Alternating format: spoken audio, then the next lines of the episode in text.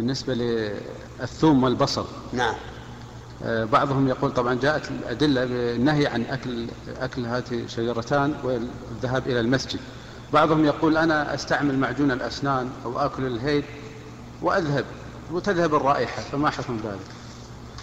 هو ال- ال- البصل والثوم والكراث كله حلال. لأن الصحابة لما قالوا إنها حرمت قال النبي صلى الله عليه وسلم ليس بي تحريم ما أحل الله. لكن من أكلها فإن كان يقصد بذلك أن لا يصلي مع الجماعة فهو آثم ولا يسقط عنه إثم الجماعة. ومن أكلها لغرض أو ل- ل- للشهائي- للشهائيها فلا إثم عليه. ونقول له لا تذهب للمسجد ما دامت الرائحة موجودة. أما إذا ذهبت الرائحة فلا بأس. اذهب إلى المسجد. نعم